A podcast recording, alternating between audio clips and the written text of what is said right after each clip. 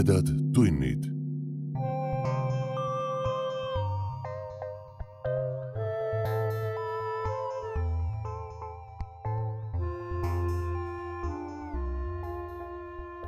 tere, hea ulmesõber! sa hakkad kuulama õudus- ja ulmejutu vestmis podcasti Tumedad tunnid kolmekümne viiendat osa. mina olen saatejuht Priit Öövel. jõuludest on möödas juba päris palju lund ja hea meel on taas teiega olla. Tänan kõiki, kes meie suurest aastalõpu loosist osa võtsid ja meie postitust jagasid.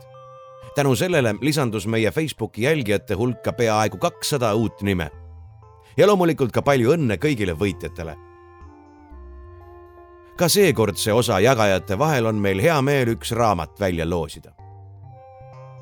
Meelis Kraftil, keda ulmeringkond tunneb ka Meelis Ivanovi nime all, ilmus eelmise aasta lõpupoole jutukogu Saared. Vähe sellest, et see on ka minu meelest üks eelmise aasta ilusaima kaanekujundusega raamatuid, sisaldab see endas seitset ulmejuttu. leidub nii sci-fi'd, seiklust ja õudust ja kõik see toimub erinevatel saartel. sellest jutukogust ühe loo teile täna pajatamegi ja nimetatud jutukogu ka välja loosime. jagage meie Facebooki postitust, kirjutage kommentaariumisse jagatud ja täpselt nädala pärast saabki keegi selle autori pühendusega varustatud raamatu endale. nagu ikka, osalevad loosimises automaatselt meie toetajad lehel patreon.com kaldkriips tumedad tunnid meie pikaaegsed kuulajad kindlasti mäletavad, et oleme Meelis Kraftiga ka varem kohtunud. siis küll Meelis Ivanovi nime all ilmus meie kaheteistkümnendas osas tema jutt Paljasjalgsed. Sünge jutt küüditamisest ja ühest kummalisest metsatalust. tänane lugu viib meid aga hoopis tulevikku. mina ja Aiki loeme teile Meelis Krafti ulmeloo viimne vastulöök.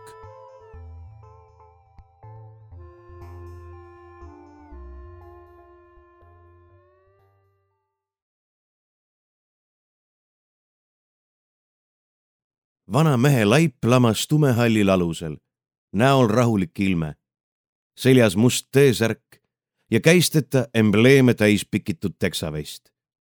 pikad hõredad juuksed üle serva tilpnemas kulunud kauboisaapad vibalike koibade otsas.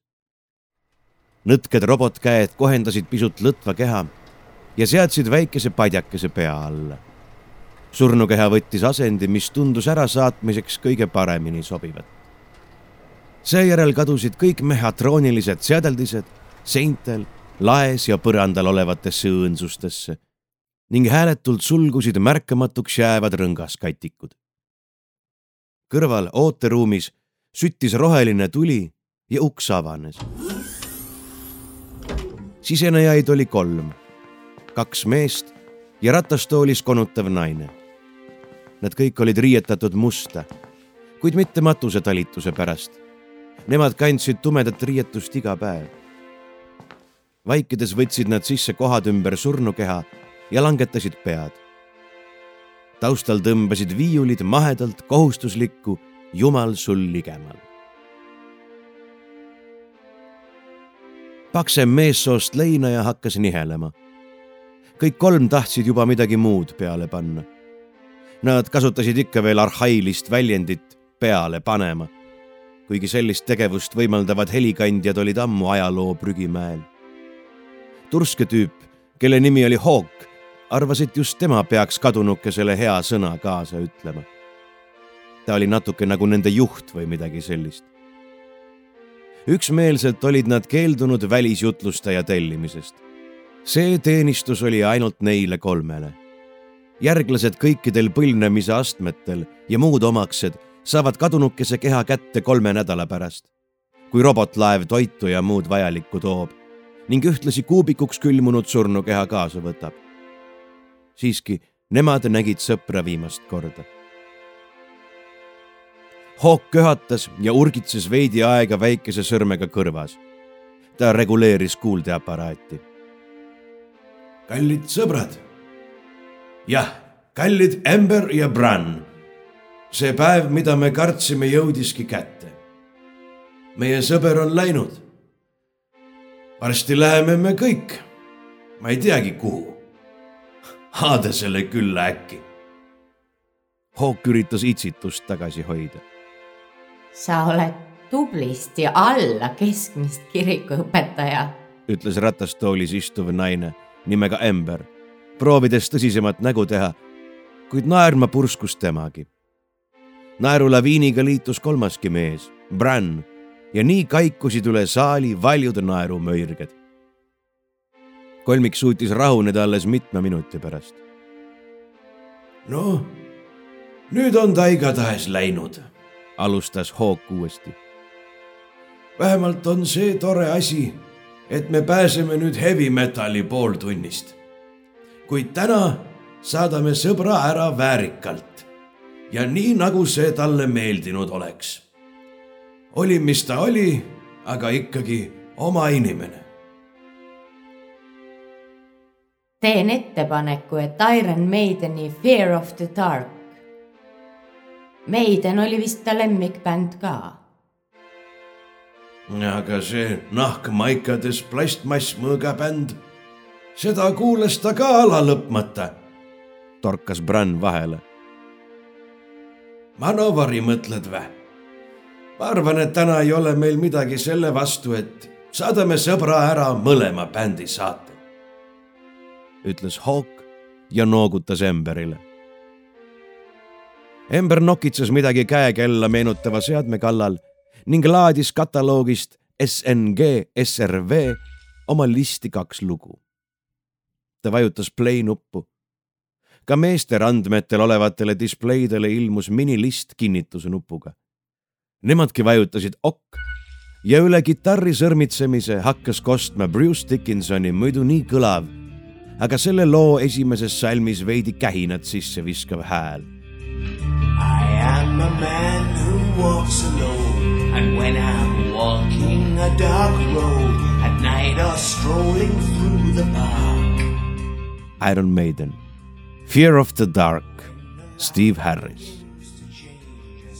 kolm sõpra langetasid pead ja vaatasid altkulmu, kuidas alus koos vana hevimehega põrandas avanevasse süvendisse vajus. Iron Maideni loo lõppu sõitis sujuvalt sisse Manovari Die for Metal. kolmik nõksutas hoogsalt pead kaasa, kui Eric Adams tammuva rütmiga salmi osa esitas.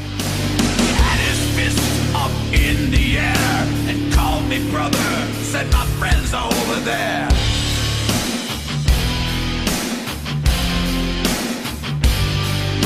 They call themselves immortals.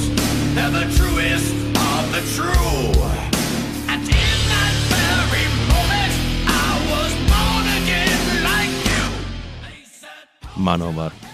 Die for Metal, Logan, De Mayo.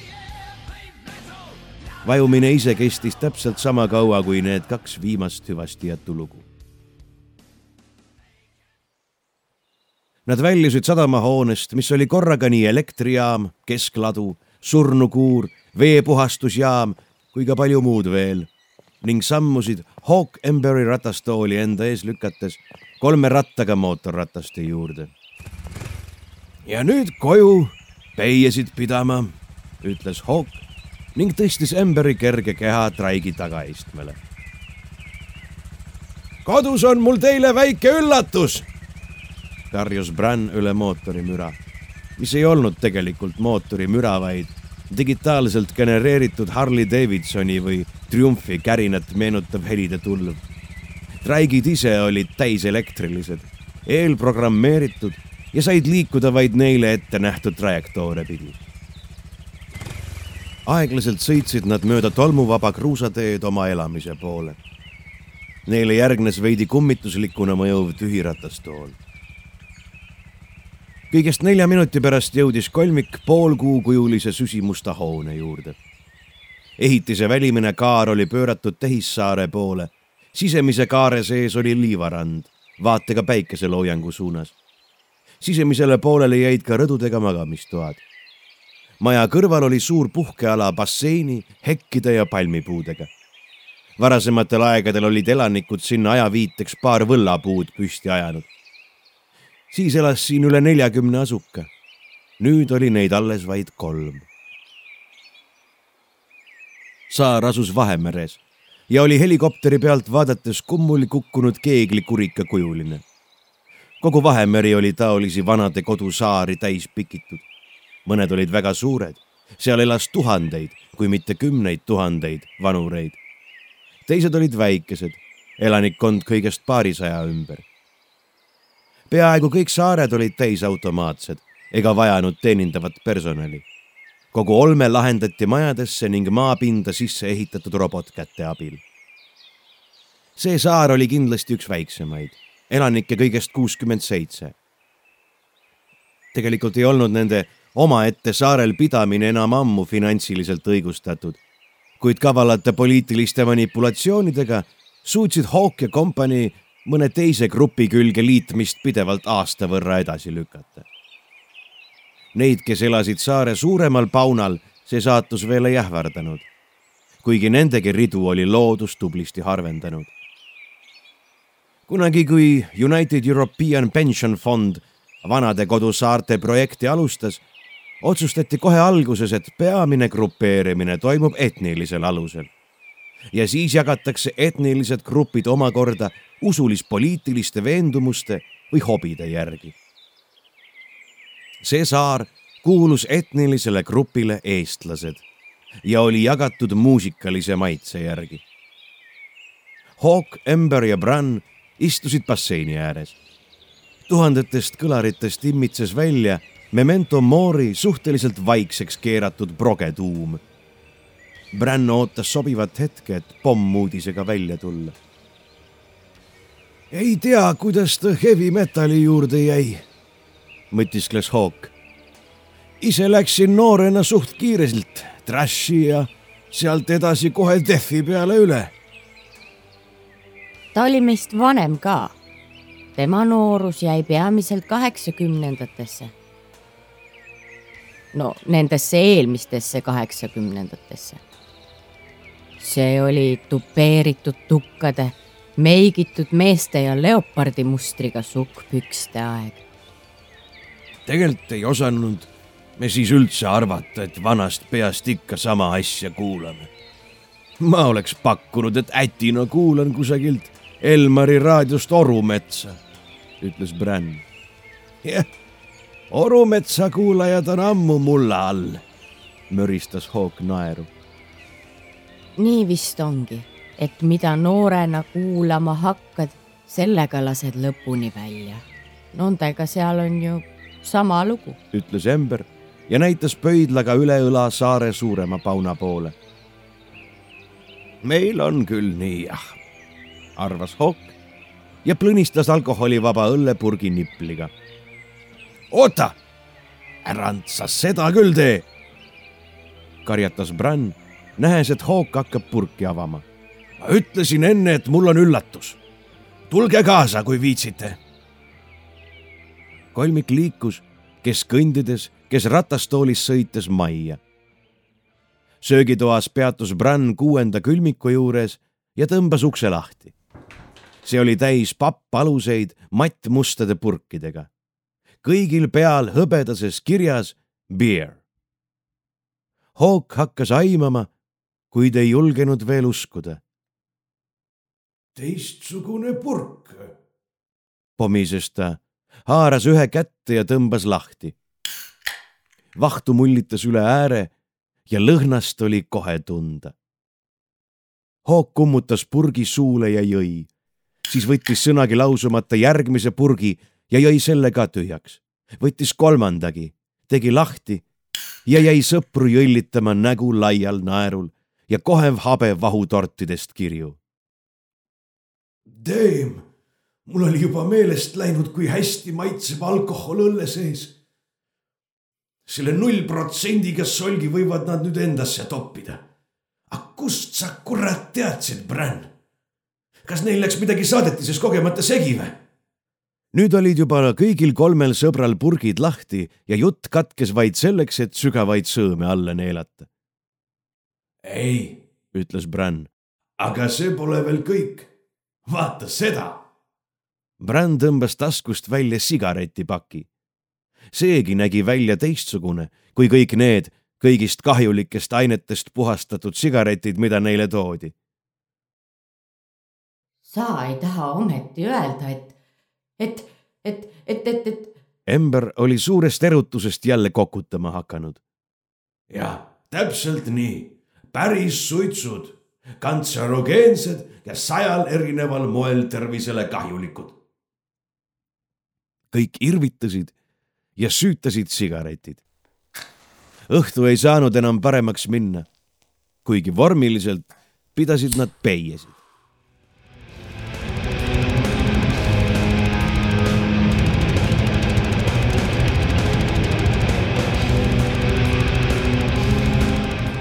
Kolmik mõlutas basseini veeres. Nende ümber vedelesid tühjad kokku pigistatud purgid. tuhatoos ajas päris õigesti haisvaid konisid üle ääre erinevalt tavalistest päevadest olid nad seekord purupurjus. vahel tahaks lihtsalt vaikust, ütles Ember unistavalt, aga korralikult pehme keelega, nii et ainult pooltest sõnadest oli võimalik aru saada.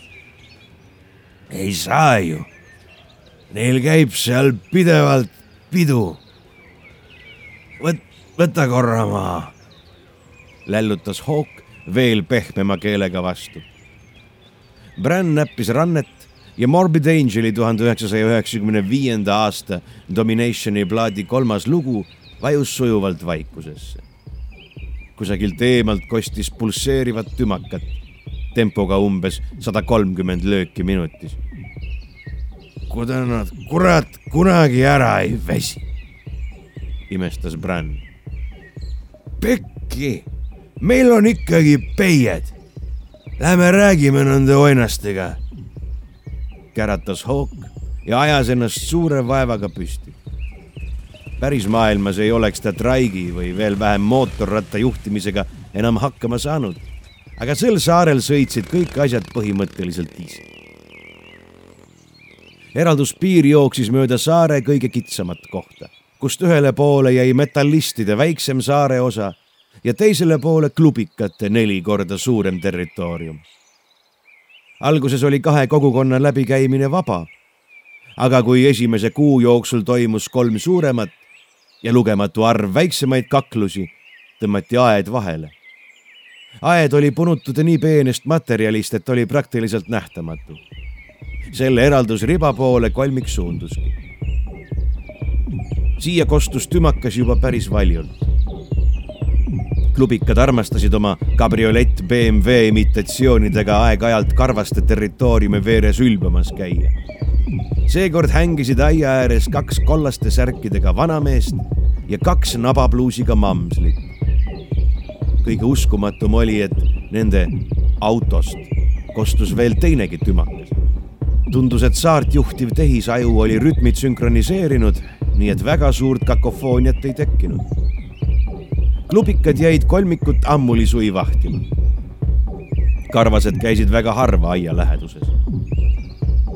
oh, Arks, vaata, lõngapead on välja ujunud, röökis üks klubikas teisele ja lisas kümmekond nii mees kui naissuguorgani erinevat nimetust igaks juhuks juurde. kuulge, jorsid, saaksite äkki oma ajuvaba tümakat vähe vaiksemaks käänata? meil on inimene surnud karjus hoog klubikatele. käib, seekord kõigest neli suguorganit. meil on siin iga päev keegi surnud. kas te ise panete oma röökimist koomale vä? kuradi pead. Tule räägi inimese moodi ja muidugi paneme. panete te jee, kuradi homod kuule, tatt, ma jõin juba Krapsi kontserdil pudelist viina, kui sinu isa alles lasteaia peldikus üle ääre plikasid vahtis väheke austust ikka vanema inimese vastu tainas. sa kuradi poissike pole veel sadatki täis. käib. suguorganeid jälle kümne ringis. üle aia lendasid alkoholivaba siidripurgid. Hawk ja Bran lennutasid enda purgid vastu. Ember oleks ka visanud, aga ratastool ei lubanud hoogu võtta. üks purk tabas juhmima ilmega vanemat prouat täpselt otsa ette ja kastis klubikate seltskonna õllega üle pikem tüüp tõmbas ninaga õhku ja tabas hoobilt ära. ta haaras maast õllepurgi ja kummutas suule, kuigi sinna oli jäänud vast paari sõrme jagu sooja gaasivaba laket. nüüd panid klubikad pead kokku ja arutasid midagi vaikselt. õu, Orikas, mis teil on seal nagu alkoga õlli vä? röikis pikk üle aia juba kõvasti leplikuma tooniga. teeme diili toote meile paar kasti ja me võtame vähe vaiksemalt. Hawkile selline kauplemine ei meeldinud. ta tõstis üles keskmise sõrme, mille ümber oli keerdunud sõrmuseks vormitud kulliküünis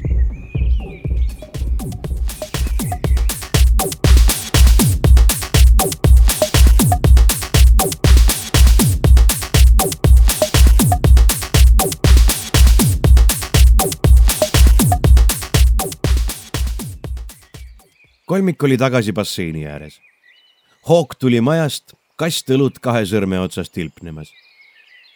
selle loomakarjaga asjatamine on mul alati kurgud tolmama ajanud, ütles ta ja kaalus kasti käes. ei viitsi kokku hoida, laseme kõik kõrist alla. ei olegi vaja kokku hoida, ütles Bran. meil on seda kraami nüüd nii, et tapab. õige jah sa ei olegi rääkinud, kudamoodi õlukappi sai. Brann ringutas ja alustas. ma ei mäleta, kas ma olen rääkinud, kus ma varem töötasin. ei tule praegu küll meelde, ütles Ember. Hawk raputas pead. ma olin seal küberkaitsekeskuses, NATO omas. see oli see aeg, kus iga koolipoiss häkkis kusagile no vot siis hakati seal unikaalse infosüsteemi kontseptsiooni valmis meisterdama. selle tehnoloogia nimi oli Kare. ah jah, selle nimega on hea koomusk. oli meil üks süsteemi analüütik. muidu normtüüp igati, aga töö kogu aeg tegemata.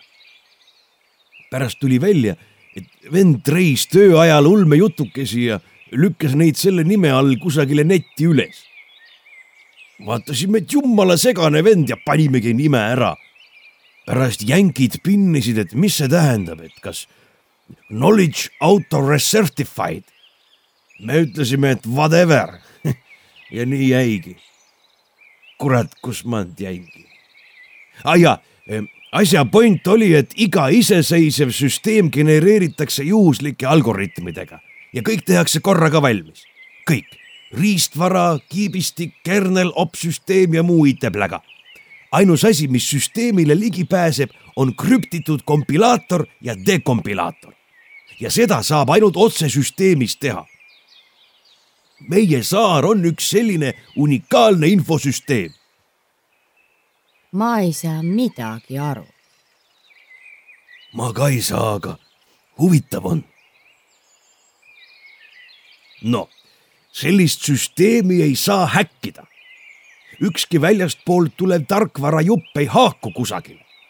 ühegi teise opsüsteemiga ei ole mitte midagi peale hakata. andmeturbe seisukohalt ei saagi enam kusagile kaugemale minna. iga sellise süsteemi püha kraal on krüptovõti, mille salajas hoidmine on kogu süsteemi hind. teate ju küll, et kui tehnikud peale tulevad, aetakse meid massaaži võtme sisestamisel on eriti rangelt keelatud kõrvalistel isikutel ruumis viibida. kui nüüd keegi saare võtme teada saab, pannakse kogu kupatus purustajasse ja tehakse uus samasugune saar. kinni plekib selle firma, kes tehnohooldust teostab. sellest täiesti piisab, et need võtmed kunagi ei leki. aga, poetas Hawk vahele, aga siis tuleb ühel ilusal päeval ühele sellisele saarele üks tehnik, kes on just tööle võetud. peakonsooliga samas ruumis konutab ratastoolis muldvana ätt päikeseprillid ees. tehnik proovib teda neljas keeles ära ajada. vanamees ei saa midagi aru, ainult ila tilgub lahti vajunud suust rinna peale. siis proovib tehnik ratastooli teise ruumi lükata aga rattad on blokeerunud. tegelikult eelnevalt blokeeritud. puudutada teda kedagi ei tohi. kahe tunni pärast tuleb robotlaev, mis peab ta järgmisele saarele viima. tehnika hakkab närvi minema. lõpuks seisab ta konsooli ja äti vahele ja sisestab peast kolmekümne kuue kohalise krüptovõtme. Märkamata, et ruumis asetsevaid peegleid on pööratud muidugi ei tea see tubli meistrimees, et muldvana ätt ei maga. tal on fotograafiline mälu ja juhuslikult on ta selle saare genereerinud süsteemi üks loojatest. Hawk ja Ember vahtisid sõpra võlutult. jutt oli nad enam-vähem kaineks ehmatanud. hull mees, suutis Hawk lõpuks kähistada. kui mul jalad all oleks teeks ma sulle praegu sületantsu, ütles Ember. no oma viga, et sul oli tarvis iga jumala kontserdil, iga jumala bändi ajal lava ette mürgeldama minna.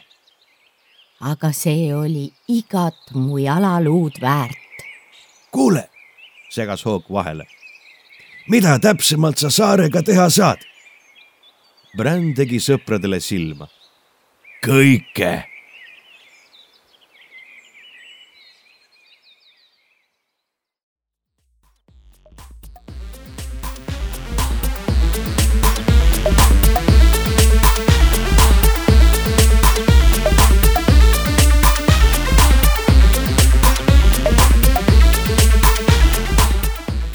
klubis lõhkus punn põhjas tümakas. Meeste peldiku juures tõuklesid vana kombe kohaselt kaks taati, ilmselt mõne ära pahteldatud kortsudega vanamoori pärast.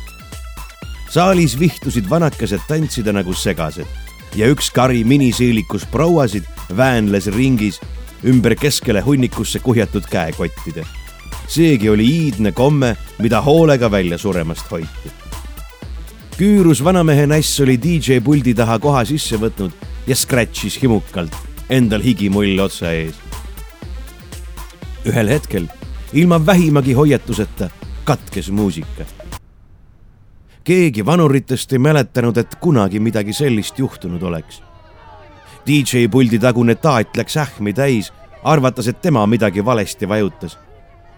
ta puudutas ettevaatlikult mõnda nuppu teadmata, et DJ puldist ei sõltu tegelikult mitte midagi. ja siis see algas.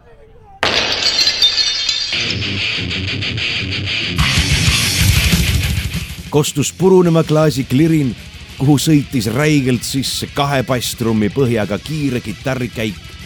kõige peal täiesti ebameloodiline kitarrisoolo. see oli Asside'i Refiction kolmik oli niinimetatud avaloo üle kõvasti pead murdnud ja lõpuks arvanud, et kui DSI-d neid hulluks ei aja, siis ei aja miski. Mõned klubi vanurid tardusid tantsupõrandal, teised surusid peopesad kõrvadele, kolmandad põgenesid väljapääsu poole. taat DJ puldi taga oleks peaaegu minestanud, arvates, et tema selle õuduse põhjustas välja tormanud vanakesed taipasid, et sealgi ei ole neil Glen Bentoni madalast kurgukorinast pääsu. satanistlik death metal lõugas saare kõikidest kõlaritest. Mõni pehmema natuuriga tümakasõber arvas, et selline ongi maailma lõpp. Trifiction ei olnud väga pikk. kolm minutit kõigest. pärast loo lõppemist valitses saarel vaikus pisut toimetuna vedasid vanakesed ennast klubibloki sissepääsu juurde ja kogunesid neoonselt kiiskava kirja Too Quick Start Night Clubi alla. Pikk vana toi, kes paar tundi tagasi Hawkiga armastusväärsusi vahetanud oli, võttis juhtohjad enda kätte. nüüd lähme ja anname külgkarvastele molli, karjus ta täiest kõrist, sest DSI-d oli pool ta kõrvakuulmist omale röövinud molli jah, kuradi värdjatele, röökis rahvasumm vastu. eriti innukad olid just vanema generatsiooni naisisendid, keda oli nagunii kolm neljandikku klubikatest. Juuksepikendused lehvisid kurja kuulutavalt kortsuliste peade otsas ja lõunamaa päike peegeldas vastu verd ihkavatelt keelküüntelt. Hawk, Ember ja Bran ootasid saare kitsenduse lähistel traigid olid peidetud kivirahnude taoliste moodustiste taha. Nad tundsid, kuidas adrenaliin veenidesse tulvas, kui klubikate BMW-d aiale lähenesid. keegi ei teadnud, mis päriselt juhtuma hakkab. Klubikaid oli tabanud totaalne massipsühhoos. Nad hüppasid uksi avamata kabriolettidest välja ja jooksid sõna otseses mõttes aia maha. käratsedes liikus juhitamatu mass metallistide maja poole Hawk ja Bran keerasid traikidel mürina nulli ning veeresid hääletult läbi aiaaugu täpselt vastupidises suunas. Bran oli piirajad blokeerinud, nii et nemad said oma masinatega klubikate poolele sõita. üsna kiiresti jõudsid nad elumaja juurde, kuna maha olid võetud ka kiirusepiirajad.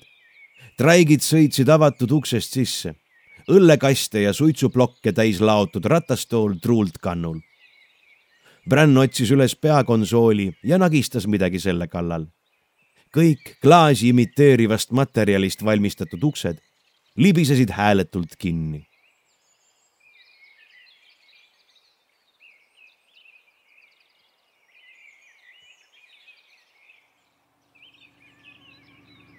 Hawk, Ember ja Bran peesitasid klubiruumide kohal asuval päikeseterrassil kui BMW-d driftides maja ette saabuma hakkasid.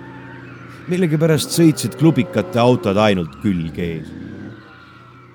aeglaselt ustest välja ronivate vanurite olemisest õhkus lüüa saamist. pooltel tossasid näos basseiniäärsest tuhatoosist leitud konid. ustest nad sisse loomulikult ei saanud. Randmetel olevatel seadmetel olid displeid kustunud au kärsad, kust tulete? hõikas Hawk. nüüd nägid klubikad, et vaenlaste leer oli nende kantsi vallutanud. see ajas nad uuesti marru. vihaselt peksid nad suguorganite nimesid karjudes kätte juhtuvate asjadega klaasuksi. kuigi saarel ei olnud ühtegi asja, mis oleks purunev. Siis märkas Hawk, et Ember on kuidagi kurva olemisega mis viga, lilleke? ma jäin selle vaese tehniku peale mõtlema. kui see kõik välja tuleb, mis siis temast saab või tema perekonnast? tema ei olnud ju tegelikult milleski süüdi. miks see välja peaks tulema? küsis Bran vahele. Ember ja Hawk vahtisid teda suurte silmadega. No kaua me siin ikka viitsime konutada? nädala no siis kolime tagasi oma elamisse ja anname selle klubikatele tagasi. kui nad enne ära kittuda ei jõua, ütles Ember. Nad ei ole just sellise olemisega, et see väga rahumeelselt võiks kulgeda, arvas Hawk ja osutas allapoole, kus laamendas kamp ära keeranud klubikaid. ära ei saa nad midagi kittuda. Saarelt ei lähe välja ükski piuks, mida mina ei taha ja te unustate, et meie kontrolli all on kõige väärtuslikum kohalik valuuta. Hawk irvitas, kui kombinatsiooni ära tabas. muidugi, kui me neile lepituseks suitsu ja õlut anname, rahunevad nad kiiresti maha aga nüüd väike open air. Hawk loivas laisalt terrassi servale. oh, jorsid Te olete küll poolearvulised idioodid, aga noh, kuidas seda nüüd öeldagi? meenutate kaugelt ja kissis silmadega vaadates veidike inimest. võite meie poole elama minna, kui tahate. aga muss tuleb nüüd nädalake normaalne. Bran, käruta. Bran vajutas elegantse liigutusega randmele tublisti peale keeratud drive'iga kitarrisoundid vallutasid saare. kõigi kaheksakümne tuhande kõlari membraanid liikusid viimse piiri lähedal. maapind tundus vabisevat, kui laulja alustas. Kill all, fight death, legions fighting love, fight them all in a living hell, slowly rot and you die. obituary. Slowly we rot. John Tardy.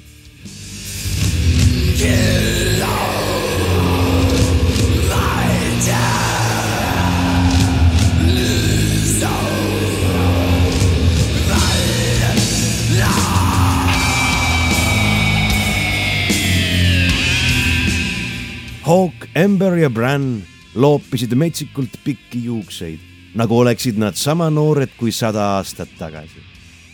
Slowly we rot, röökisid nad koos John Tardiga Obituary igihaljast hitti. Hawk tõstis Amberi õlgadele ja naine tõmbas särgi seljast. oma ea kohta nägid ta tissid võrdlemisi head välja. pisut kortsus küll, aga suhteliselt pringid, eriti kui käed üles tõsta. klubikad all hakkasid vihast ulguma. ereoranž päike vajus Vahemerre.